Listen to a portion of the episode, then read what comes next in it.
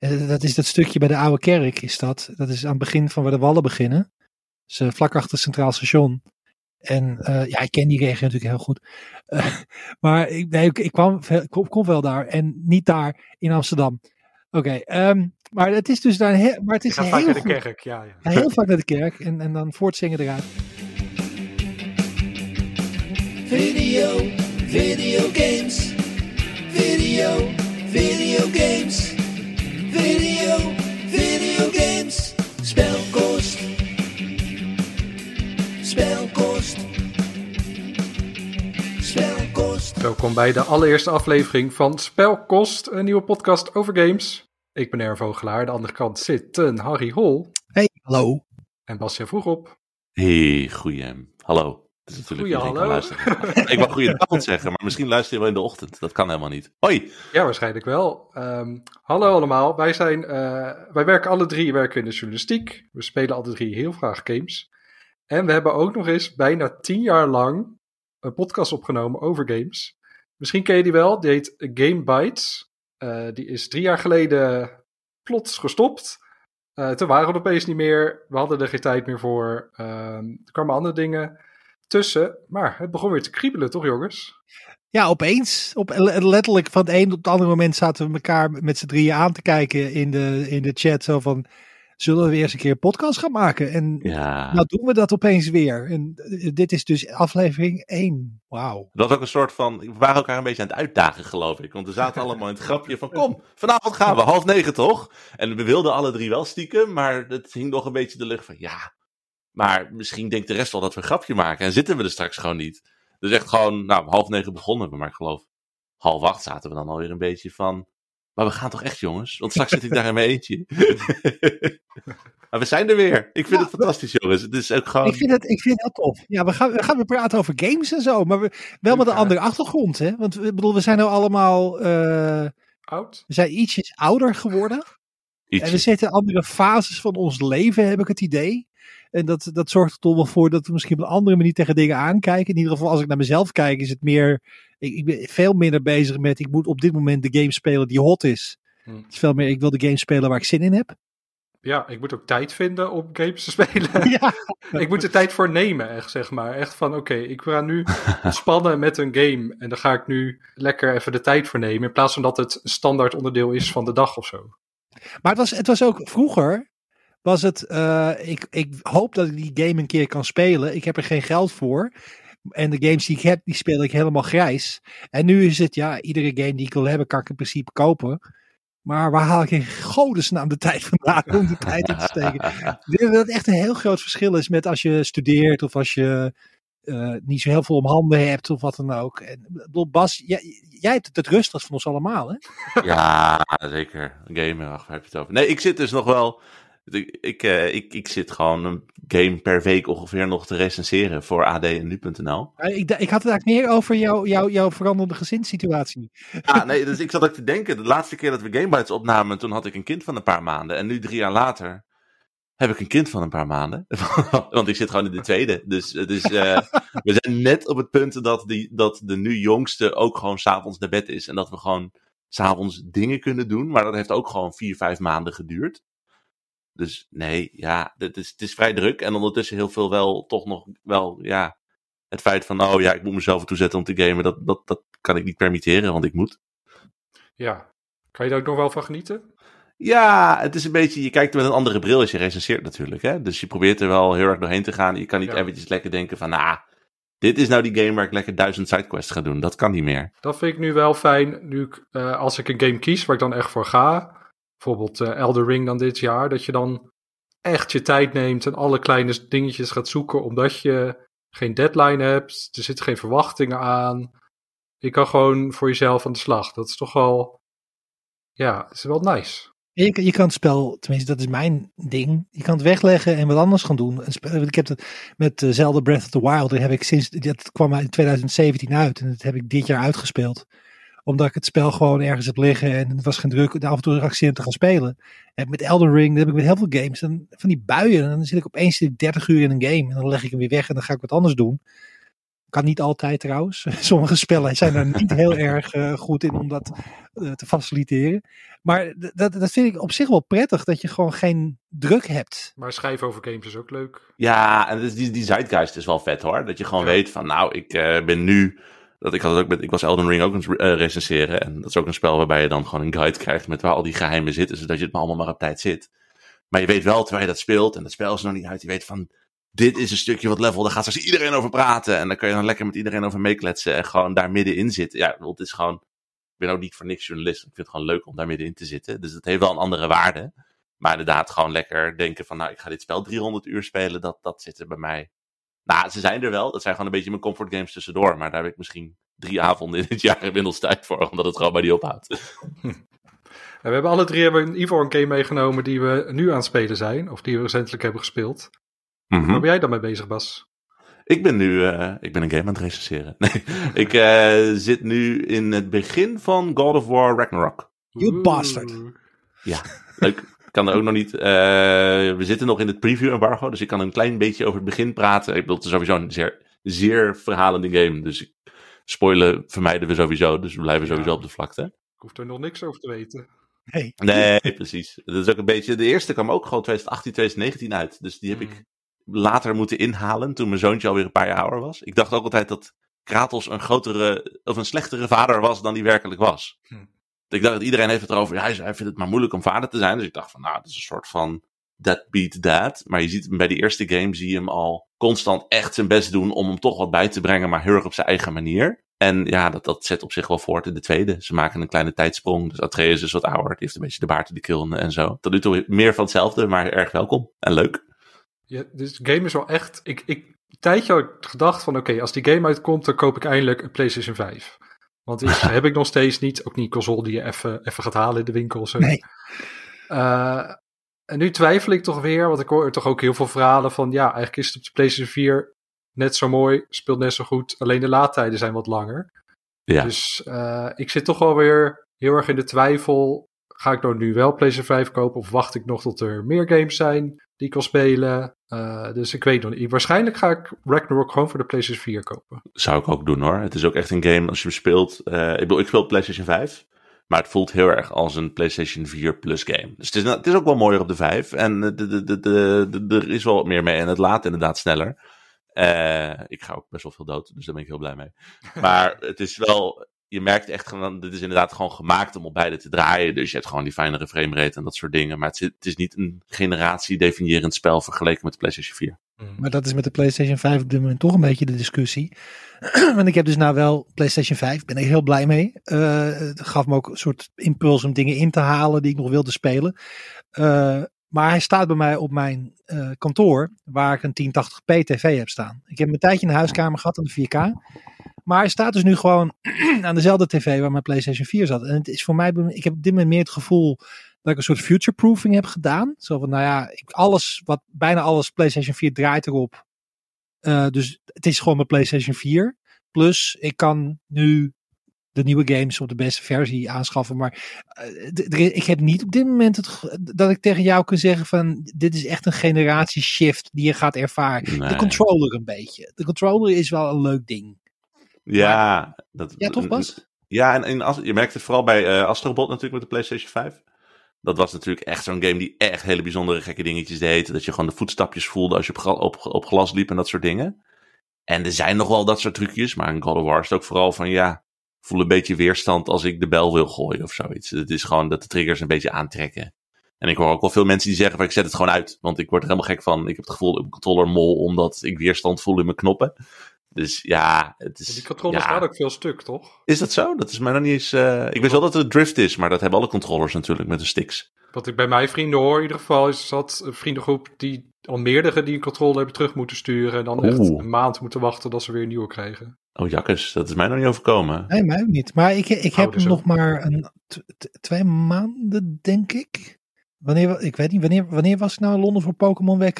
Poeh, was ergens ergens in augustus, september of zo. Ja, dus ja, dat zal inderdaad een ja. maandje of twee zijn, denk ik. Ja, augustus heb ik hem eh, gekocht. Ja, maar, maar heb je wel het gevoel dat het is, is God of War, zonder spoilers, maar is het nou, eh, doet, doet het veel nieuw of ben je nog niet op het punt dat je dat merkt? Of is het eigenlijk, Want ik had het met, met, met eh, Horizon Zero Dawn. Eh, ik heb dan de Mhm. bundel waar dan Horizon Forbidden West bij zat. En ik heb niet het gevoel als ik, die, als, ik, als ik die twee na elkaar speel, dat de tweede game heel erg een andere game is. Of eh, het, het zal vast wel allerlei dingen zich ontvouwen in het verhaal verder. Maar het was overduidelijk gewoon meer van hetzelfde. En dat is niet negatief bij, die, bij de, dat spel. Ja. Maar is dat Als bij God je- of War ook zo? Ja, het, vooral als je begint. Het is gewoon, het is inderdaad een verlenging van wat je al kent vanuit de eerste game. En inderdaad ook qua verhaal. Er zit, er zit, er zit zo'n filmpje aan het begin, die kun je aanklikken om te kijken wat er in de vorige game gebeurde. Heb ik gedaan. Eh, omdat ik had de, de eerste nog niet helemaal uitgespeeld. Dus even kijken. Ik snapte er niks van. Dus vervolgens heb ik een half uur op YouTube gekeken wat er nou allemaal exact in de eerste gebeurde. En dat moet je ook echt wel weten. Want het is gewoon één op één een verhaal wat gewoon heel direct voortgaat op wat er aan het einde van deel 1 gebeurde. Er gebeuren, eh, de intro gaat, speelt gewoon in op dingen die er gebeuren met, zeg maar, het, het, het, geheime, soort, soort, van semi-geheime einde van de eerste game. Dus als je, de, als je het van elkaar niet weet, is dat ook gewoon niet te doen. En ja, maar het is gameplay technisch, ja, het, het lijkt vrij op elkaar. Er zijn wat verfijningen later in de game, eh, maar het is in grote lijnen ongeveer hetzelfde. Vind ik ook op zich niet gek hoor, want het is ook, die, eerste game speelde fantastisch. En dat zit nog steeds heel goed in elkaar. En het is een soort van hele simpele combat waar een soort van gelaagdheid in komt naarmate je verder komt, die je niet bij heel veel actiegames zi- ziet. En ja, die is hier hetzelfde, maar ik vind dat op zich ook prima. Nou, over games gesproken die eh, een beetje hetzelfde doen als de voorganger. Ik ben bezig met eh A Plague Tale Requiem. Ja. Dus, eh, ik weet niet of ik het Ja, zo goed Je zegt het goed. Yes. Zeker. Eh, Ik vind het mooi dat hij het heel smooth uit heeft gekregen, maar we benoemen het allemaal nog. Zodat we er toch bij stilstaan dat dat woord verkeerd had kunnen uitgesproken worden. Allemaal klinkers achter elkaar. Hey Erwin, hoe, hoe noem je games die uitkomen bij de, een eh, nieuwe console? Deep cut voor de Game Boy fans. Of als, de nucle- als er nucleaire bommen gevallen zijn. Wat voor, wat voor games heb je dan? Sorry. Ga verder. Ik ga je niet op in. Nee, ja, sorry Erwin. Nou, hebben, Lounge games! Hebben jullie de eerste Plague Tale gespeeld? Een stukje, maar ik ben er een beetje op gebounced. Omdat ik, ik vond het een beetje janky overkomen, het spel. Ik, ik vond een beetje, ik had het gevoel dat het spel eh, eh, meer budget nodig had om de ambities te, waar te maken die het verhaal leek te tonen. Hm. En daardoor ben ik erop gestuiterd. Maar ik vond het geen slechte game verder. Maar... Dat was bij mij echt zo'n blinde vlek game. Want ik had de naam gezien. En die game verscheen ook echt rond het punt dat iedereen zombie games maakte. En je dacht, het van, jeetje, het is weer een zombie survival game. Die is gekeken naar de trailers en waar het over ging. Compleet geskipt. En ja, nou, dat is de, ja, de grootste fout die ik kon maken. Want dat is geen totaal wat anders te zijn dan dat. Ja, het is geen zombie game, maar een rattengame. Ja. Plague Tale gaat over een eh, eh, Amicia en haar broertje. Die leven in Frankrijk van het jaar een tijd geleden. En daar, het land wordt daar lastiggevallen door een plaag van ratten. En dat is niet een aantal ratten die kunnen bijten en de ziekte over kunnen brengen. Dat zijn golven aan ratten. En als die ook maar in je buurt komen, dan, dan ben je dood. En dat was reuze spannend. Want je moet dan samen in het donker moet je van A naar B zien te komen. En ondertussen kan elk moment kunnen die ratten door de muren knallen. En dat is altijd gecombineerd met eh, violen. En dan weet je als je die violen ho- hoort van oh shit, er komen de ratten. En is best goed gedaan. Heel goed die relatie tussen die twee en die wereld. En eh, puzzels moet je doen. En echt, echt een leuke verrassing. Maar het is wel, ja, het is een wat kleinere ontwikkelaar. Het eerste echt grote game. En zij waren een beetje verrast dat hij het zo goed deed. Dat hij zo goed werd ontvangen. En toen dachten ze van, oh shit, nu moeten we een tweede deel maken. En nou, die is dus nu uit. Die ben ik nu aan het spelen. En dan merk je wel, het is leuk. Ik, ik geniet er weer van. Ik vind het gewoon heel leuk om te spelen. Hoe je, eh, die oudste zus die je zelf bestuurt, die heeft dan zo'n sling. Die kan je steentjes gooien en zo. En op die manier kun je heel veel vijanden verslaan en puzzels oplossen. En dat is gewoon heel leuk om te doen. Maar je merkt wel van, oh ja, eigenlijk hadden we alle ideeën in het origineel gestopt. En nu weten we niet meer zo goed hoe we dit tweede deel ook interessant kunnen houden. En dat voelt een beetje, beetje hetzelfde. Dat is wel jammer. Maar het is wel weer echt wel leuk om te spelen. Ja. Het, het werd mij verkocht als een low budget The Last of Us. Zo voelt het ook wel. Ja, Iemand legde me dat zo uit. Zo van, zo moet je het zien. Je moet niet verwachten dat het de, de production values heeft van The Last of Us. Maar het is wel een beetje de thematiek eh, ligt dicht bij elkaar. En je beschermt iemand. In dit geval dan dat broertje en zo. Dus, en ik, nog een keer, ik vond het niet slecht. Alleen ik had op dat moment eh, echt het gevoel van... Ik, ik, ik heb hem op, op Game Pass staat hij. Die, Ja. die, die is, en ik, ik had het gevoel van, ik, ik vind het wel, wel leuk, maar het voelt allemaal net een beetje te, ja, te, te leeg of zo. Alsof de wereld net een beetje te floaty was of zo. Ik ben echt, het, het was echt, ja, ik had echt het gevoel van hier had eventjes iets meer. nou, het is gewoon low budget, want het is een Ja. kleine studio. En als je dat accepteert, dat je daar een beetje luis kijkt, dan, dan zit er echt wel veel in. Ja, misschien moet ik het gewoon nog een kans geven. Want het, het, het- want ik vond de personage vond ik tof. Ik vond de wereld vond ik ook wel origineel. Want het is nou eens een keer echt een andere wereld. In de zin van, het is tussen haakjes de echte wereld. eh, in, in, in een historische periode. Dus Ja. het, het was niet, het, het, was, het was zeker geen cliché setting. Want het is ook in Frankrijk, toch? En ik geloof Ja. ook een Franse ontwikkelaar. Dus je merkt ook. Ik ben, ik ben dus de tweede nu ook eh, voor een review aan het spelen. Dus weer een game waarbij ik een hele lange video heb gekeken over wat er in hemelsnaam in de eerste is gebeurd. Oh ja. Je merkt ook echt dat dit voelt ook al als middeleeuws Frankrijk vanuit een heel erg Ja. Frans perspectief. En veel minder dat beetje de westerse kijk op hoe Europa er wel, of de Amerikaanse kijk zoals hoe Europa er vast uit zal hebben gezien. En wat, Ja. wat, wat rauwer, wat serieus, oh, heel grimmig.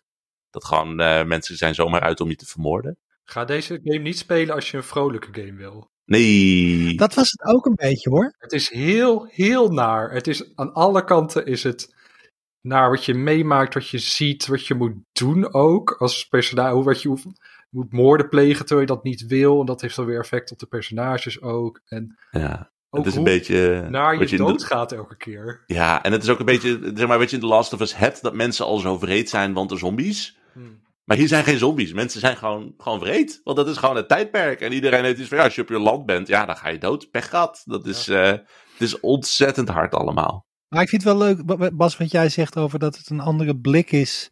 Eh, dat zie je ook met Franse films, weet je wel. Frankrijk Ja. zijn, hebben best wel een, een, een uitgebreide filmindustrie waar ze echt concurreren met Hollywood. En eh, ze hebben daar ook volgens mij wetten voor dat zoveel procent van de films, of in ieder geval op tv, moeten van Franse makelaars zijn. Maar dat is, eh, ja, het is gewoon Frans. En dat is eigen. En dat, is, eh, eigen manier van eh, hoe personages in elkaar zitten. En dat vind ik wel verfrissend hoor. Dat, Ja. dat, dat, dat er even een andere kijk tegenaan wordt ge, eh, Je ziet het in het begin natuurlijk ook al een beetje dat. wel Heel veel Amerikaanse games leven altijd met het idee van. Nou, we, we, we laten wel Europa zien, maar we vert- doen het met een Amerikaanse blik. Dus bijvoorbeeld, dan heb je kinderen die. Ja, die in Amerika moet je altijd met de auto ergens heen gebracht worden. Dus zelfs kinderen die in de middeleeuwen zitten, die spelen alsnog bij huis. Want dat zijn Amerikanen gewend. Terwijl deze game opent ermee dat. Ze zijn aan het spelen, maar ze zijn gewoon ergens ver weg van mama gegaan. Want dat is gewoon hoe dat hier in, in, in Europa, zeg maar, gaat. Het zijn hele kleine dingetjes, maar daardoor voelt het wel meer richting Europese, ja, en ik denk ook Franse cultuur. Ik ben zelf niet Frans, maar het voelt wel meer, al, ook al eigen voor ons daardoor. Ja. En het zit vol met van dat soort kleine dingetjes. Ja. Waar ben jij mee bezig, Harry? Eh, nou, we hebben een thema. Want eh, de game die ik nu aan het spelen ben is Xenoblade Chronicles 3. En eh, ook een vervolg. En eh, ik heb heel lang getwijfeld voor ik hem zou kopen. Want ik heb Xeno 1 heb ik gespeeld, ben ik op gekaatst. Vond ik op een gegeven moment was ik zat. Hm. Xeno 2 ben ik een heel eind gekomen. Ik ben tot hoofdstuk 4 gekomen en ik had er 67 uur in zitten. En om redenen die ik niet meer weet, ben ik daar ook mee gestopt. En om dan weer terug te komen in die game is onmogelijk. Want je moet dan al die vechtsystemen weer opnieuw. Ik begon te spelen. Ik denk van ik. eh, Want Bas, jij had gezegd, je moet eigenlijk toch de vorige gespeeld hebben. Ja, dat ergerde me een beetje. Want ik had zoiets van. ja, maar nee, niet, niet dat jij iets verkeerd zei. Want jij zei iets wat volkomen logisch is. Maar het was zo van. Ja, ik kan niet 200 uur in twee eerdere JRPG's gaan steken. En ik vind het raar als een ontwikkelaar van mij verwacht om dat te doen voordat ik deel 3 ga spelen. Dus ik dacht, weet je wat, fuck it. Ik ga het gewoon kopen en ik ga het gewoon spelen. En ik ben daar zo blij mee. Ja, het kan ook wel bij deze game, hè. Ik bedoel... Ja, nee, dat ga, ik, dat ga ik ook niet uitleggen. Want als, ik uitleg waarom je wellicht misschien toch 1 en 2 moet spelen, dan ga ik de dingen spoilen. Dat is Ja, dus het, drie- het, ge- Weet ik. En ik het hangt ik los van elkaar, maar het heeft toch weer meer waarde. Maar goed, ga verder. Wat vind je ervan? Nou, weet je, ik heb ik ben natuurlijk niet helemaal. eh, kijk, ik heb dus een end van die andere twee gespeeld. Dus ik ken de wereld. Maar vooral ken ik de maker. Want dit is een game van dezelfde maker als van een van mijn favoriete games aller tijden. En dat is Xeno, eh, Xenogears. Mhm. En deze game heeft ook heel veel raakvlakken. Eigenlijk de, de, de- met, met die oorspronkelijke Xenogears JRPG. En wat ik zo. Xenoblade Chronicles speelt zich af op een wereld waarin eh, eigenlijk een soort eeuwigdurige oorlog is tussen twee eh, volken. En die, die volken die bestaan eigenlijk uit kinderen die maximaal tien jaar oud worden. Eh, als ze het overleven doordat ze tien zijn, dan offeren ze zichzelf op in een ritueel. En daarvoor worden ze eigenlijk heel een soort kloonleger. Eigenlijk ze groeien in een vat. En ze worden in tien jaar worden ze zeg maar als soldaat ingezet. En die strijd gaat eeuwig door. Dat is zeg maar de setting. Dus dit is geen spoiler. Dit is het eerste uur van de game waarin dit wordt uitgelegd. En wat ik zo gaaf vind aan deze game. Is dat het een hele bizarre apocalyptische sfeer heeft. Van een soort eindtijd. Waarin dus dat, dat gevoel van doem over alles hangt. Maar tegelijkertijd zijn die personages zijn zo goed geschreven. En zijn zo fris en, en, en leuk en, en niet gedeprimeerd of zo. Die accepteren hun lot. Ehm, en ik word zo meegesleept door de personages en door het verhaal. En er zitten zoveel echo's naar science fiction die ik vroeger gelezen heb. Ehm, ik weet niet of jullie, vast niet, maar dit is een, een, een boek wat in de jaren zeventig verfilmd is en nog een tv-serie van gemaakt is. Logan's Run. Dat is een eh, boek dat Klinkt gaat. bekend. Klinkt inderdaad bekend. Ja, het is heel bekend. Het is echt zo'n zo'n cultfilm die je. Die film is niet dender, maar het boek is geweldig. Het gaat over een maatschappij eh, waar, waar na een crisis besloten is dat iedereen op zijn 21ste verjaardag vrijwillig zelfmoord moet plegen Oh om de maatschappij gezond te houden. En, eh, de, ja, en in, in het boek heb je dan eh, mensen die proberen dan te ontsnappen. En dan heb je een zone runners die gaan erachteraan om ze te, want dat hoort niet, weet je. Je moet je wel conformeren. Dus in die zeldzame gevallen gaan die zone runners erachteraan. En ze zien aan hun hand of ze bijna dood moeten. Want een, een diamant in hun hand die van kleur verandert. Als die zwart is, dan moet je naar de, naar, naar de, naar de verbrandingsoven. En in het boek is er zo'n zone runner. Die is op de, eerst iemand het opjagen. En dan wordt halverwege zijn vlucht wordt zijn hand zwart. En dan moet hij een keuze maken. Wat ga ik nu doen? Dus dat boek is geweldig. Maar die sfeer, zo van jonge mensen die zichzelf moeten opofferen. En zo'n totalitaire maatschappij. Dat zit heel erg ook in Xenoblade Chronicles 3. En voor een JRPG, waar ik niet altijd het allerbeste schrijfwerk en dialogen verwacht. Wordt dat zo goed uitgewerkt. En ik Ja. vind dat de personages zo eh, realistisch met elkaar overweg gaan. En en de game is gewoon heel tof. Het, het is een, eh, er zit een job system in. Dus je, je, je, je bouwt eh, ervaringspunten op. Niet alleen voor je personage, maar ook voor de klassen die je hebt. Die kun je uitwisselen. Je kunt skills overzetten. En ik zit nog maar tussen haakjes tien uur in. Dus ik heb nog niet eens alle spelsystemen vrijgespeeld. Ik, ik denk aan weinig anders dan aan Xenoblade Chronicles 3 op dit moment. Dus ik ben heel, heel blij dat ik niet geluisterd heb naar wat sommige mensen zeiden van... Nee, niet jij Bas, want jij zei het niet lullig. het alweer. Ik hoor het alweer. Jij zei gewoon van, het is maar er zijn natuurlijk ook gatekeeper types. Die van, ja, nee, je moet eigenlijk eerst de twee spelen. Je moet ook nog gezien de Blade Chronicles X gespeeld hebben. Dan pas kun je het echt waarderen. Nee, dit is gewoon echt een super toffe game. Die je gewoon met beide handen moet. Het is alleen zo'n game van 80 uur. Dus daar ben ik waarschijnlijk al een jaar mee bezig. Maar oh, ik heb het zo naar mijn zin. Maar je bent dat kattenmeisje, denk ik, of je bent die andere factie al tegengekomen, denk ik, zeg maar, toch? Ja, Dus inderdaad, ben- dat is wel aardig in het begin, inderdaad. Want daar heb je ook inderdaad, er zit dus ook zo'n kattenmeisje tussen. En de, de, de- dit zit nog heel vroeg in de game, dus dit kan ik denk ik wel zeggen zonder dat ik opeens gek ga spoilen. Maar die zit dus al heel erg aan het einde van haar tien jaar. Dus die, die leeft echt een beetje naartoe. Van nou, over een paar maanden dan is het finito. Want dat is hoe onze levens allemaal werken. En dat, terwijl ik die game speelde, echt alle gesprekken met haar voelen zo'n analogie. Het voelt gewoon alsof je naar een meisje kijkt dat terminaal is. Alsof ze kanker heeft. En alsof die is echt gewoon aan het kijken van ja, ik ben geconfronteerd met mijn sterfelijkheid. Ik heb allemaal wensen die ik eigenlijk nog wil. Ze wordt af en toe boos. Omdat we, ja jeetje, wat zijn we nou allemaal aan het doen? Ik ga toch niet meer meemaken. En dan van die vraagstukken dat je denkt van, wel dit soort thematieken over van nou, eh, beperkte levens en zo. Het zit wel vaker in JRPG's, maar dat er zo volwassen naar wordt gekeken. Dat heb ik echt nog in geen enkele game in dit genre gezien. Nee, en, en, dat, en dat is heel erg de, de studio of de maker. Want in, in Xenogears, dat ging heel erg over dit soort dingen. En dat ging over religie en over wat goden nou eigenlijk echt zijn. En, en, Ja. of, dat, Ja, dat soort thema's. eh, Maar zonder, want wat je nou beschrijft zit er absoluut in, maar zonder dat het spel deprimerend is. En dat vind ik zo knap. Want ik ben daar heel gevoelig voor. Als het namelijk erg eh, zwartgallig wordt, dan word ik daar zelf ook wel heel erg. Maar dat heb ik niet. Ik heb de hele tijd het gevoel van ik wil meer van deze wereld weten. En eh, dat is een kleine spoiler, maar daar had je net al over. Je, je begint met eh, drie personages van de ene factie. En die komen in contact op een bepaalde manier met drie tegenhangers van de vijand. En de manier waarop die relatie zich ontwikkelt tussen twee voorma- voormalige groepjes vijanden is ook zo goed geschreven. Want het is niet in één klap van, oh nou, oké, we staan nu aan hetzelfde team, we gaan de wereld redden, we zijn allemaal vriendjes. Dat is niet zo. Er is nog steeds spanning en zo van, ja, maar wat vinden we van elkaar en wat is er in het verleden gebeurd.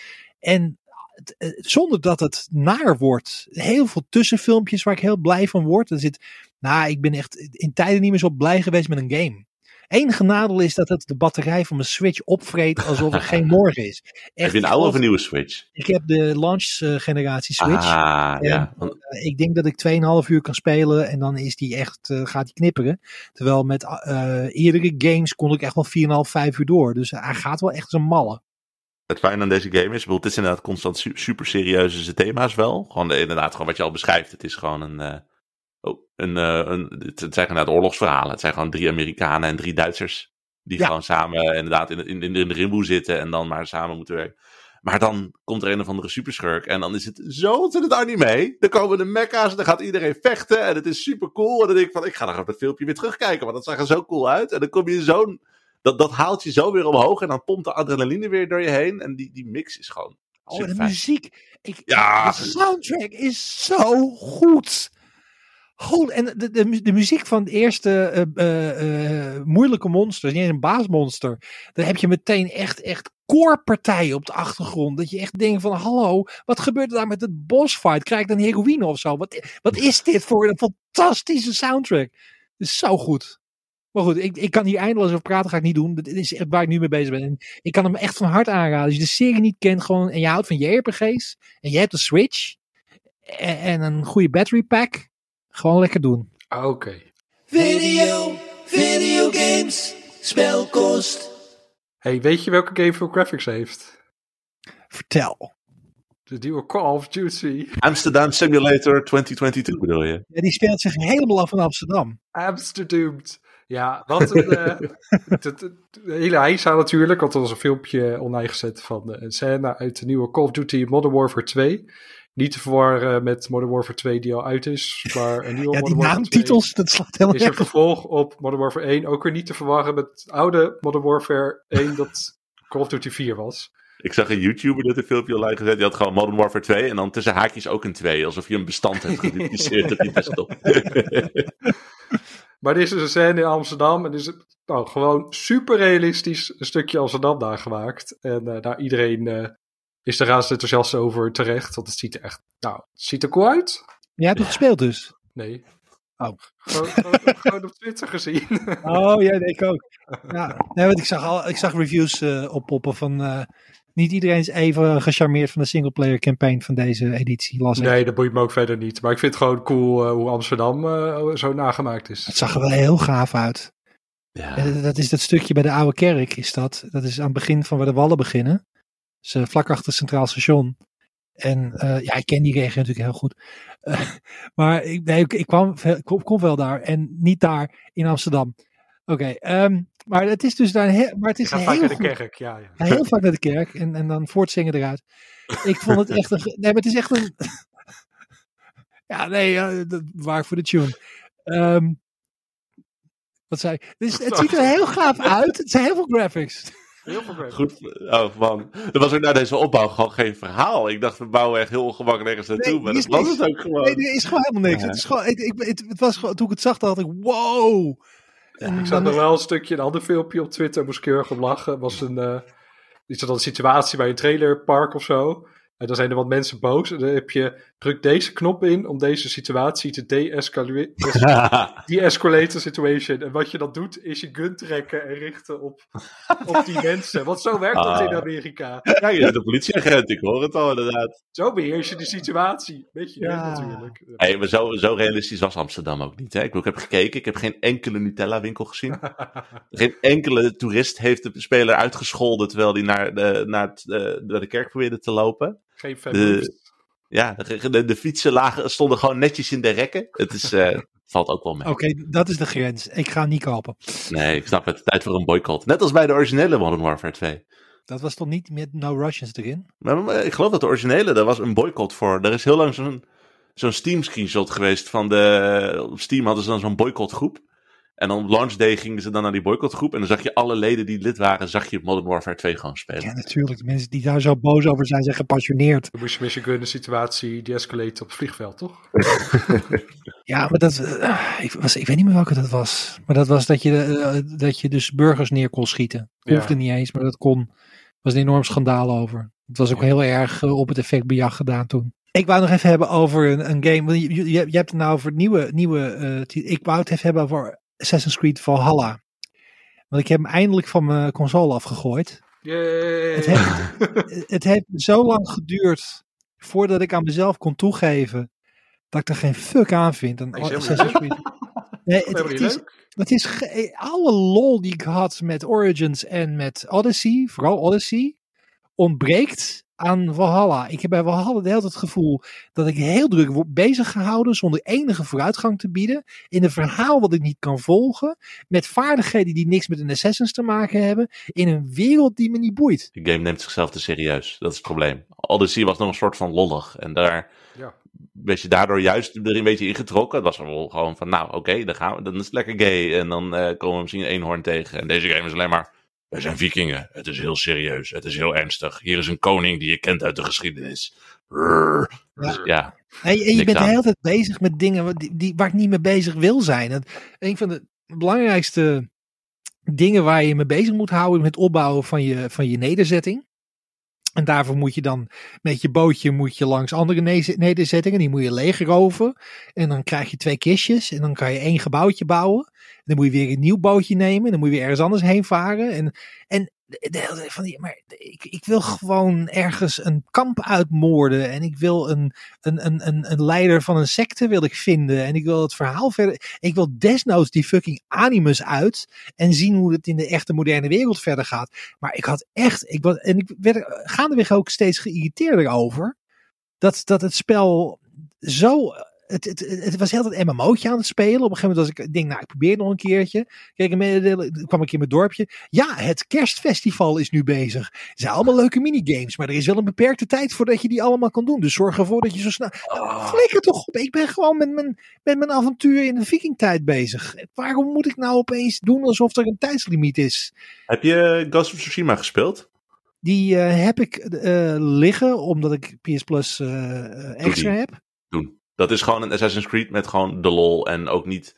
Je moet er ook niet te veel bij nadenken. Het is gewoon, dat, dat is wat jij wil. Gewoon lekker een beetje dorpje, de, wat, nou, niet dorpjes uitmoorden, maar nederzettingen Nee, nee, aanvallen en een beetje je ding doen en een beetje stealthy of weet ik veel wat. En dat is gewoon, dat is gewoon een Assassin's Creed game.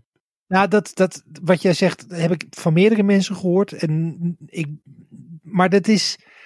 Ik was echt. Ik merk nu ook, het is echt raar. Ik word er gewoon een beetje boos van. Die game heeft zo ontzettend veel content. En er is zo ontzettend veel tijd in gestoken. En het eindresultaat voelt een beetje aan alsof dit Vikingen is. eh, een Viking game is die ontworpen is door hetzelfde team dat Microsoft Excel heeft bedacht. het is niet leuk. Maar er komen nu vier nieuwe Assassin's Creed's aan. Die zijn allemaal Allemaal aangekondigd. Oh, maar dan word je wel... Ja, dan kun je wel kiezen van... Hopelijk van... Oh, deze past meer bij mij. Deze is een beetje die vrolijke, leuke stijl van Ja. Odyssey. En dit is te, te serieus en te saai. Dus dat, die skip ik dan. Dan heb je wat meer keuze hopelijk. En ook niet Ja. allemaal zo lang. Kun je misschien wat kortere game eh Assassin's Creed eh, ertussen pakken. Er wordt er ook eentje minder RPG, geloof ik. Dus inderdaad meer zoals 1, 2 en 3, zeg maar. Dus dat is... Ja. eh, Ja, die is volgende. dus. Ik ben wel benieuwd. Nou, die eerstvolgende, die, eh, die, die wordt inderdaad meer een eh, ja, actie, maar wel eh, ja, meer op stealth en meer op eh, wat het was. Ja. Ik, ik hoop eigenlijk nog steeds op een soort re- remake van de oorspronkelijke Assassin's Creed, maar dan met de lessen die ze geleerd hebben van Assassin's Creed 2. Er gaat ook een van die games zit, geloof ik. Ik, vergeet, ik, ik, ik haal steeds die namen door elkaar, dus ik weet nog niet welke het was. Was het Mirage? Er was zo'n game die weer naar het Midden-Oosten ging. Dus misschien is dat Ja. niet een remake, maar, Ja, dat is Mirage. Ik kon niet ook op de naam komen. Ja. maar, wel, eh, maar wel misschien wel in de, in, in de geest van. Dus misschien hou je dat daar wel uit. Ik weet het niet. ja, want ik ben best wel heel erg fan van ook de, de oldschool Assassin's Creed. Vond ik heel erg leuk. Maar eh, dan, dan merk ik af en toe, soms dan wil je iets leuk vinden, maar het wordt het maar niet. En bij mij duurt het soms een tijdje, net als dat ik soms een tijdje me verzet voor iets te spelen wat wel leuk is en dan het later pas achterkom. Bij Assassin's Creed eh, Valhalla ben ik er gewoon echt te lang mee doorgegaan totdat ik erachter kwam van het leven is te kort voor Assassin's Creed Valhalla. Ja. Ja, Dus nu speel je Xenoblade. Heel hele korte game, dus daar ben je zo doorheen. Ja, maar weet je, het- ik heb iedere, iedere minuut eh eh Xenoblade heb ik lol en ieder uur Mhm. Assassin's Creed zat ik me af te vragen waarom doe ik dit? Ja, daar moet je gewoon stoppen. Ik bedoel, je hoeft hem niet te reviewen. Die game is al lang uit. Je doet het voor je lol. Gewoon lekker weggooien. Ik Goed deel gedaan. het eigenlijk meer voor de luisteraar van als jij ook zo voelt, probeer, verzet je er niet tegen. Doe wat anders. Ja, misschien zit er wel iemand tussen die net deze game heeft geïnstalleerd en hem nu gewoon direct weer weggooit. gekocht. Heeft net ook de, de volledige editie gekocht. Ja. Volle map ook. Met alle 20 DLC. euro. Ja, echt een saai spel, joh. Ik zou er niet aan beginnen. Dus dat was, mijn, eh, dat was de game die ik heb meegenomen voor de actualiteit. Assassin's Creed Valhalla. Was. Weet je welke game ook actueel is? Was dat een goed bruggetje? Was dat totaal geen goed bruggetje? Nee, eh Bayonetta 3. Ik weet niet eh, of jullie ook al meningen hebben over stemacteurs. Maar daar gaat. ik- Ja, we kunnen het over de game hebben. Maar iedereen heeft het eigenlijk alleen maar om het schandaal om die game heen. Ja, dat gebeurt heel veel. Dat vertel even veel. voor de mensen die het niet Ja, weten. Ik is, weet het eh, hoor. Ik, ik weet precies waar het over hebt. Maar vertel het. Bayonetta gaat over een heks, eh, genaamd Bayonetta, lekker makkelijk. En die is de eerste twee games is die ingesproken door de, voice, eh, de stemacteur Helena Taylor. En die, voor de derde game is ze vervangen door Jennifer Hill, die ook heel veel science fiction stemmen en zo heeft gedaan. Zij had vlak voordat deel 3 uitkomt, had ze een wat boze video opgenomen. Waarin ze zei van het is schandalig. Ik heb voor de tweede game kreeg ik heel weinig geld. En voor de derde game hadden ze gezegd van kom maar eh, voor eh 4000 euro die hele rol inspreken. En dan, eh, en, dan zijn we wel klaar. En volgens haar was het een franchise van, ik geloof uit mijn hoofd, 64 miljoen dollar dat ze uitgerekend. Dat kwam geloof ik neer op, als je de verkoop van dat spel bij elkaar optelt, dan zou je de pure omzet hebben van alles bij elkaar, maar dan op basis van schattingen. Dus een soort van raar bedrag, terwijl die game geloof ik helemaal niet zoveel geld heeft binnengesleept. Maar kort gezegd zei ze van, ja, ik, ik de stem van Bayonetta werd ge- geflasht. Het is schandalig en ze gaan verschrikkelijk met stemacteurs om, dus alsjeblieft boycott deze game was haar bericht. En dat leidde ook echt tot heel veel, ja, tot toch wel boze kritische berichten van, jeetje, wat gaat Platinum Games er slecht mee om? Het hielp natuurlijk ook niet dat de, de regisseur van het spel, van die, van die trilogie, Hideki, Hideki Kamiya. Ik weet niet of ik het goed uitspreek. Ik denk ook niet dat Ja, je spreekt het goed uit. Maar eh, die is op Twitter nogal een, een, een, een, agressief type. In de zin van, hij heeft een paar regels dat als je bijvoorbeeld hem in het Engels tweet, dan blokt hij je onmiddellijk. En nou ja, er had allemaal. Opeens voor het eerst, eh, dat is best wel een eh, geprezen man, maar voor het eerst had hij opeens heel, heel veel kritische mensen op Twitter. Dus hij, hij ging echt als een gek blokken. Dus daar vervolgens werd hij door Twitter geband. En dat viel natuurlijk weer op. Er waren weer nieuwsberichten. Dus het voelde een beetje als. Het was niet zo, maar het voelde natuurlijk alsof Twitter een beetje de kant koos van: hé, hey, we hebben die, die, die, de foute gast in, dit, eh, in deze ruzie hebben we geband. Maar ja, dan, en toen kwam eh, Jennifer Hill nog met een bericht van: kunnen we niet allemaal lief voor elkaar zijn? En eh, dat, dat viel ook niet in goede aarde. En die kreeg allemaal weer dreigberichten en weet ik veel wat. Maar toen kwam de keerzijde. Het is een heel lang verhaal, dit.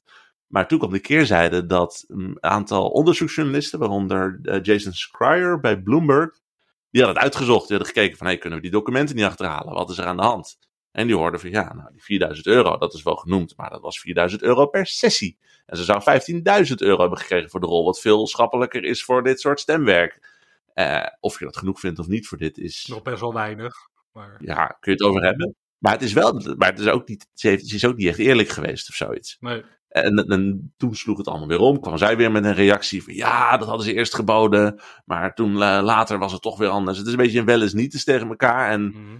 het is, eh, er zitten ook niet echt meer winnaars in deze ruzie.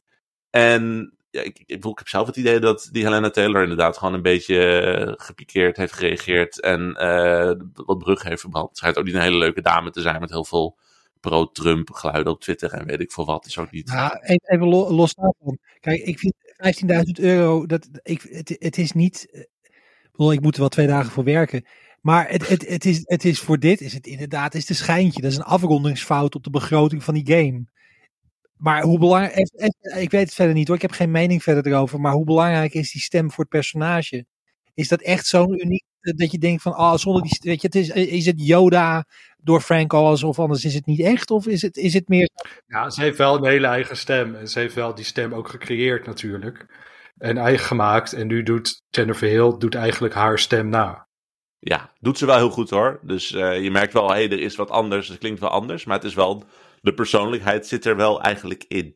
En ik weet, ik bedoel, misschien is die 15.000 wel een schijntje. Maar bedoel, laten we ons ook niet te veel blind staren op dat gigantische bedrag wat zij noemde. Want de reden waarom Bayonetta nu nog bestaat, is omdat Nintendo dacht van, nou oké, wij willen deze game wel op ons systeem hebben. Want iedereen stapte na de eerste game ervan af. Want zoveel geld had het ook weer niet opgeleverd. Het is een obscuurdere game dan hoe ze, zij brengt het alsof het de nieuwe Avengers film is. Dat is het eigenlijk natuurlijk ook niet.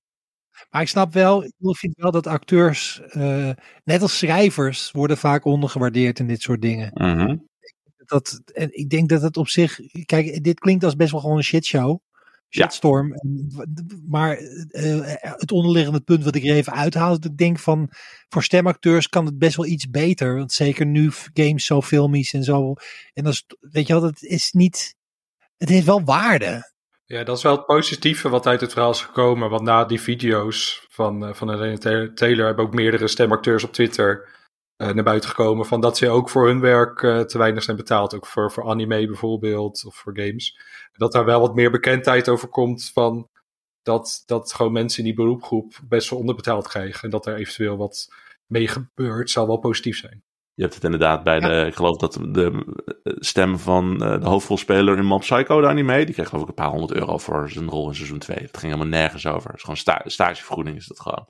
Maar het is ook weer andersom. Hè. Ik bedoel, nu weten we, het lijkt erop dat ze gewoon dan heeft gelogen in dat hele verhaal. En daarmee haalt ze ook een soort van iedereen die, die de legitieme discussie wil voeren, haalt ze een beetje onderuit. Want achteraf blijkt ook van, ja, je zit hier gewoon een beetje te liegen en te bedriegen, omdat je misschien wel heel veel geld gewoon wilde hebben. En alle mensen die serieus willen praten over onderbetaalde situaties, die worden nu een beetje overspoeld door de shitshow die ze daarmee heeft gecreëerd. Dus Ja. ja, het is vies. Het vervelende met dit soort discussies is, juist als het gaat over werk wat jij niet kent of waar je de industrie niet van kent, weet, je zelf, weet jij als buitenstaander niet wat normaal is of, of dat dat, eh, weet je wel, het klinkt voor iemand, la- laat ik het zo zeggen, even heel, heel zwart-wit. Als jij Mhm. eh, 16 bent en je eh, koopt games en je leest op, op gamer.nl dit verhaal, dan denk je, wauw, 4000 euro is een boel geld. 15.000 euro, dat is echt heel veel geld. Terwijl dat, ja, dat is niet altijd zo. Dat weet je pas als je. Misschien is dat het enige wat ze doet een half jaar. Weet je, je, het- er zijn heel veel dingen wat je als buitenstaander niet weet van iemands werk buiten jouw eigen eh, kennis. Dus ik vind het wel heel lastig als mensen daar heel snel een mening over hebben. Ik denk dat ik ben dan eerder geneigd om toch wat te luisteren naar gewoon wat die stemacteurs zelf zeggen. Van het is inderdaad heel weinig. Mhm. En dat dan gewoon voor waar te accepteren. In dit, zeker met dit soort dingen. Ja, ik ben in de meeste situaties, ik bedoel, ik grijp ook liever zeg maar de kant van de creatieve persoon in plaats van de grote bedrijven in, in dit soort discussies. Want vaak is dat gewoon, ja, voelt dat voor mij als de meest legitieme kant. Maar juist omdat, ik bedoel, ten eerste, ze heeft inderdaad gewoon waarschijnlijk, eh, hoogstwaarschijnlijk hierin gelogen. Maar ze heeft ook onmiddellijk natuurlijk opgeroepen van, nou koop dat hele ding maar niet. En daar dat is natuurlijk ook weer de nadelen van, ik bedoel, misschien dat er een of andere nare marketing guy jou heel weinig geld heeft gegeven voor Platinum Games. Maar er hebben ook honderden mensen aan dit spel gewerkt die er ook heel veel creatief in hebben geïnvesteerd. En die ook gewoon daar heel veel waarde aan hechten. En moet je dat dan ook weer te niet doen omdat jij vindt dat jij ondergewaardeerd bent? Ben jij dan als de actrice die die stem heeft gedaan, ben je, sta jij dan boven eigenlijk alle andere creatieve personen erbij? Dat vind ik ook weer, nee, het is lastig. Als drie mensen die hun stem gebruiken voor een podcast zeggen ja. Die stemmen die staan boven alles. Niks belangrijker dan onze Niks stem. belangrijker dan stemmen. We sluiten de aflevering af met wat snelle tips. Dat hoeven niet altijd games te zijn bij ons. We, hebben we hebben ook andere media waar we dol op zijn. Eh zo wil ik eh, She-Hulk nog even tippen. Eh, ik denk dat veel mensen deze Marvel-serie hebben overgeslagen, omdat er in korte tijd best wel veel Marvel is gekomen en Nou mensen een beetje moede van waren. Nou, She-Hulk doet het eigenlijk helemaal anders, want het is, een, eh, het is niet zo serieus, het is een comedy, een, eh een advocatencomedy, een beetje Ellie McBeal, maar dan superhelden. Tell me more. En constant wordt er via de muur ver, verbroken, zeg maar. Ze praten in de camera, recht de camera naar jou als publiek. En op een gegeven moment wordt het heel erg meta. Eh, moet je gewoon zelf ontdekken wat ze ermee doen. Ze doen hele leuke dingen. Ze hebben commentaar op eigenlijk alle Marvel-series in het verleden. Maar, en, en ze doen... Nou, het is gewoon echt een leuke, vrolijke, lichte, leuke serie. Weer eens wat anders dan al die andere serieuze Marvel dingen. En eh, geef het gewoon een kans. Want het is echt... eh, ja, het is gewoon Hij staat al op mijn lijst stiekem. Het- Ik, ik hoop alleen niet dat het weer zo'n Marvel-serie is waar je eerst 82 uur in de andere films moet hebben gestoken voordat je begrijpt waar de nuances zitten. Nee. Nee, als je een beetje wat personages kent, eh, dan is dat prima. Ik heb 75% van de Marvel-dingen gezien. Het is leuk dat je weet wie de Hulk is, toch? En Ja. dat je dat wel weet. Oh, dat is, dat is toch die ene die met, die, met, het, met die S op zijn buik. Ja. Nee, Ja. met die hamer, dat is hem. Harry, wat is jouw tip? Eh, nou, het is ook, ook niet game, maar wel, ik denk dat het wel eh, aansluit bij de interesse van veel mensen. Het is een boekserie, eigenlijk een serie novelles, korte eh, romans. En die heet, dat is de Murderbot serie, series. En Murderbot, en dat is echt geweldig. Eh, dat, dat gaat over een, het speelt zich af ergens in een soort, een beetje eh, de eh, een beetje, eh, eh, sa- een beetje Foundation-achtig science fiction universum met sneller dan licht reizen en allerlei planeten zijn gekoloniseerd. En de hoofdpersoon, dat is een robot die vroeger werkte als, zeg maar, security bot, als bewaker, als, als huurling. voor, en hij was ook eigendom van zo'n bedrijf. Hij moest dan gewoon doen wat hem gezegd werd. En had een apparaat, waar, dat heet de governor module, die zorgde ervoor dat hij altijd gehoorzaam, eigenlijk een slaaf. Maar wel zelfbewust. En het boek begint vlak nadat hij zijn eigen eh, eh, oh, eigenlijk hij zeg ik, maar het is een geslachtsloos persoon eigenlijk. eh, dat hij zijn, zijn, zijn, zijn governor module heeft gehackt en vrije wil heeft. Maar dat mag niet, want hij moet, als hij niet doet wat hem gezegd wordt, wordt hij getermineerd, zeg maar. Beetje dat, dat Blade Runner idee van als je vrije wil hebt, dan mag je niet meer bestaan. Eh, maar het leuke van het boek is dat die, die murderbot is dus volledig capabel om alles af te slachten wat er binnen vijf meter in de, in de buurt is. Eh, maar dat wil hij helemaal niet. Het enige wat murderbot wil, is lekker in een hoekje zitten en soapseries kijken. Via zijn eigen persoonlijke media streamer die hij in zijn systeem heeft. Maar in het verhaal raakt hij ieder boek een beetje verwikkeld in, omdat hij probeert te vluchten en hij wil met rust gelaten worden. Maar hij kan alleen maar met rust gelaten worden als hij weer een probleem heeft opgelost voor stel lastige mensen in zijn buurt. en dat is zo leuk geschreven. En de kracht van het boek is de stem, zeg maar de tone of voice van Murderbot. Het is allemaal vanuit de ik-persoon geschreven. En eh, zijn irritatie over mensen en oh, nou moet ik doen alsof ik gehoorzaam. Oh, en ze hebben er geen balverstand van. Oh nee, als die stommelingen dat doen, gaan ze dood. Ik spring er wel weer voor. En dat is echt heel gaaf geschreven. En het zijn korte eh, novelles. Eh, de, de eerste, ik heb er nou vier gelezen, vijf gelezen. En er zit heel veel vaart in, heel veel actie, heel veel humor. En een heel aandoenlijk personage. Want die murderbot is gewoon zo'n schatje. Hm. Echt geweldig. Is Zo, en eh, hij ontwikkelt vriendschappen, maar heeft het zelf niet door. Want het is best een zagrijn. Het is een beetje zo'n. Het is iemand met, met social anxieties. Die wil gewoon niet contact met. Die kan geen oogcontact maken. Die wil geen mensen om zich heen. En hij ergert zich dood aan een, aan een kunstmatig intelligent transportschip. Waar, waar hij aan boord is eh, verstopt. Maar uiteindelijk ontwikkelt hij daar zonder dat hij door heeft een vriendschap mee. Het is zo schattig. en het is echt de boekenserie eh, die ik de afgelopen jaren heb ontdekt. Die gewoon echt heel toegankelijk en leuk is om te lezen. Je zit erin en je, je bent er echt ook in een middel doorheen door zo'n boek. En het is fantastisch. Murderbot, geschreven door Martha Wells. Zuchtend allemaal problemen oplossen. Voelt wel een beetje als kinderen opvoeden trouwens. Nou, zo, maar zo, kijk, zo kijkt Murderbot ook naar de mensen om zich heen. Zo van, het zijn een beetje incapabele, eh, roze, kwetsbare bappies. Die, de, die echt alles verkeerd doen. En dan moet Murder- Murderbot het maar weer oplossen. Maar het is niet cartoonesk. Het is heel menselijk en warm geschreven. Echt super tof. Ik kan het iedereen Leuk. aanraden. Klinkt leuk. Cool. Bas. Ik heb wel een game. Ik dacht, ik doe het gewoon. Hou me maar tegen. Ik eh, heb deze week de fout gemaakt om Marvel Snap op mijn telefoon te installeren. En iedereen die ik er ook over spreek, die noemt het ook een fout dat ze dit hebben gedaan. Want holy shit, wat raak je snel in die rabbit hole verzeild. Ik zie Harry zijn telefoon grijpen, die gaat nu ook fout maken. nee, bij Marvel Snap is, je hebt, eh, ik heb, wel- iedereen kent natuurlijk wel Hearthstone, het kaartspelletje van Blizzard. de grote man die daarachter zat, die is uiteindelijk weggegaan. En die is, eh, uiteindelijk heeft hij dit spel gemaakt. Eh, en Marvel Snap is net als Hearthstone ook een kaartspelletje dat je op je telefoon kan spelen. Grote, eh, waarbij je tegen een andere speler strijdt en dan moet je kijken wie er wint. Het, grote verschil, eh, het grootste verschil eigenlijk is dat dit spelletje altijd zes beurten duurt. Heel soms, ik heb er eentje gehad die ging zeven beurten door een gekke kaart. Maar eigenlijk altijd zes beurten en iedere beurt is eigenlijk wel een minuut klaar. Dus ieder potje is gewoon nou, max vijf, zes minuutjes ben je wel klaar. Nou, soms duurt de beurt, zelfs maar 10 seconden. Ja, het hangt er een beetje vanaf hoe snel je tegenstander gaat. Ja, heb ik het idee dat je stiekem best wel veel matchen met CPU's. Of ik heb heel veel beschaafde usernames tegen wie ik speel. En dan, maar de CPU die is altijd super snel, want dan heb jij het gedaan en dan gaat hij direct door.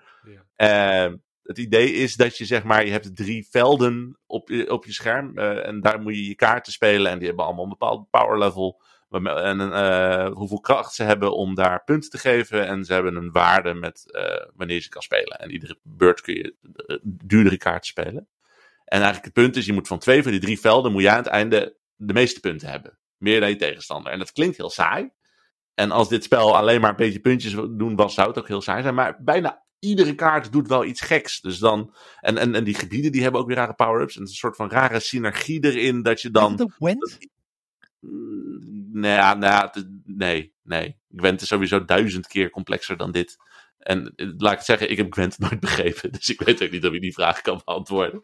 maar, eh, Het is heel toegankelijk, Ja. maar toch met genoeg diepgang. diepgang. en alles heeft een soort van synergie met elkaar. Dat je opeens merkt van, oh, ik, nu speel ik alles bij elkaar. En opeens die ge- geeft een power-up aan die. En die geeft het weer door aan die. En dan verdubbelt deze kaart de powers van eh, die en die en die. En op die manier, de punten vliegen over je scherm heen. En op het einde, dan is het een soort van, alsof je een soort van ketting-explosie hebt gezien. Van, wat is er gebeurd? Oh, oké, ik heb meer punten. Ik heb gewonnen. En, hoe, en iedere keer als je speelt, wel, het, zit- ook gewoon qua progressie zo belachelijk slim in elkaar. Want je, je, ieder potje krijg je dan weer punten waarmee je kaarten kunt upgraden. En die upgrades zijn eigenlijk alleen maar gewoon cosmetisch. Dat die kaarten er mooier gaan uitzien. Dus het poppetje wat erop staat, die springt opeens van de kaart. Of hij wordt 3D, dat je de telefoon kantelt en dan zie je het poppetje bewegen. Of hij raakt geanimeerd. Dat is alleen maar cosmetisch. Maar naarmate je ook weer meer cosmetische upgrades krijgt, level je ook weer, zeg maar, je, je collector level. En daarmee krijg je ook weer nieuwe kaarten om mee te gaan spelen. En tegelijkertijd level je een season pass met allemaal dingen die je tijdens potjes kan doen. En er is altijd, zo'n potje duurt super kort. En er is altijd één klein dingetje waarbij je denkt van, nou, als ik nog even één of twee potjes speel, nou, dan heb ik dat season pass ding. Dan heb ik daar weer een kaartje verdiend. Oh, ik heb weer een nieuwe collector level. Oh, ik heb een nieuwe kaart. Nou, even kijken hoe die speelt. En voor je het weet is het drie uur s'nachts. het is verschrikkelijk. Het is verschrikkelijk. Ik moet het, ik moet het verwijderen. Maar Season Pass kost 12 euro. Ja, de, eh, ja dat, is, dat is ook weer iets, zoiets geniepigs dat ze doen. Want dan hebben ze zeg maar, je begint en dan hebben ze een season pass. Dat is dan de recruit pass. Nou, die doe je dan lekker tot level 20 en dan ben je klaar. En daarna krijg je de echte, echte season pass. En dat werkt net als bij andere games. Dat je een free tier hebt, gratis tier. En ook weer premium kaarten die je kan krijgen.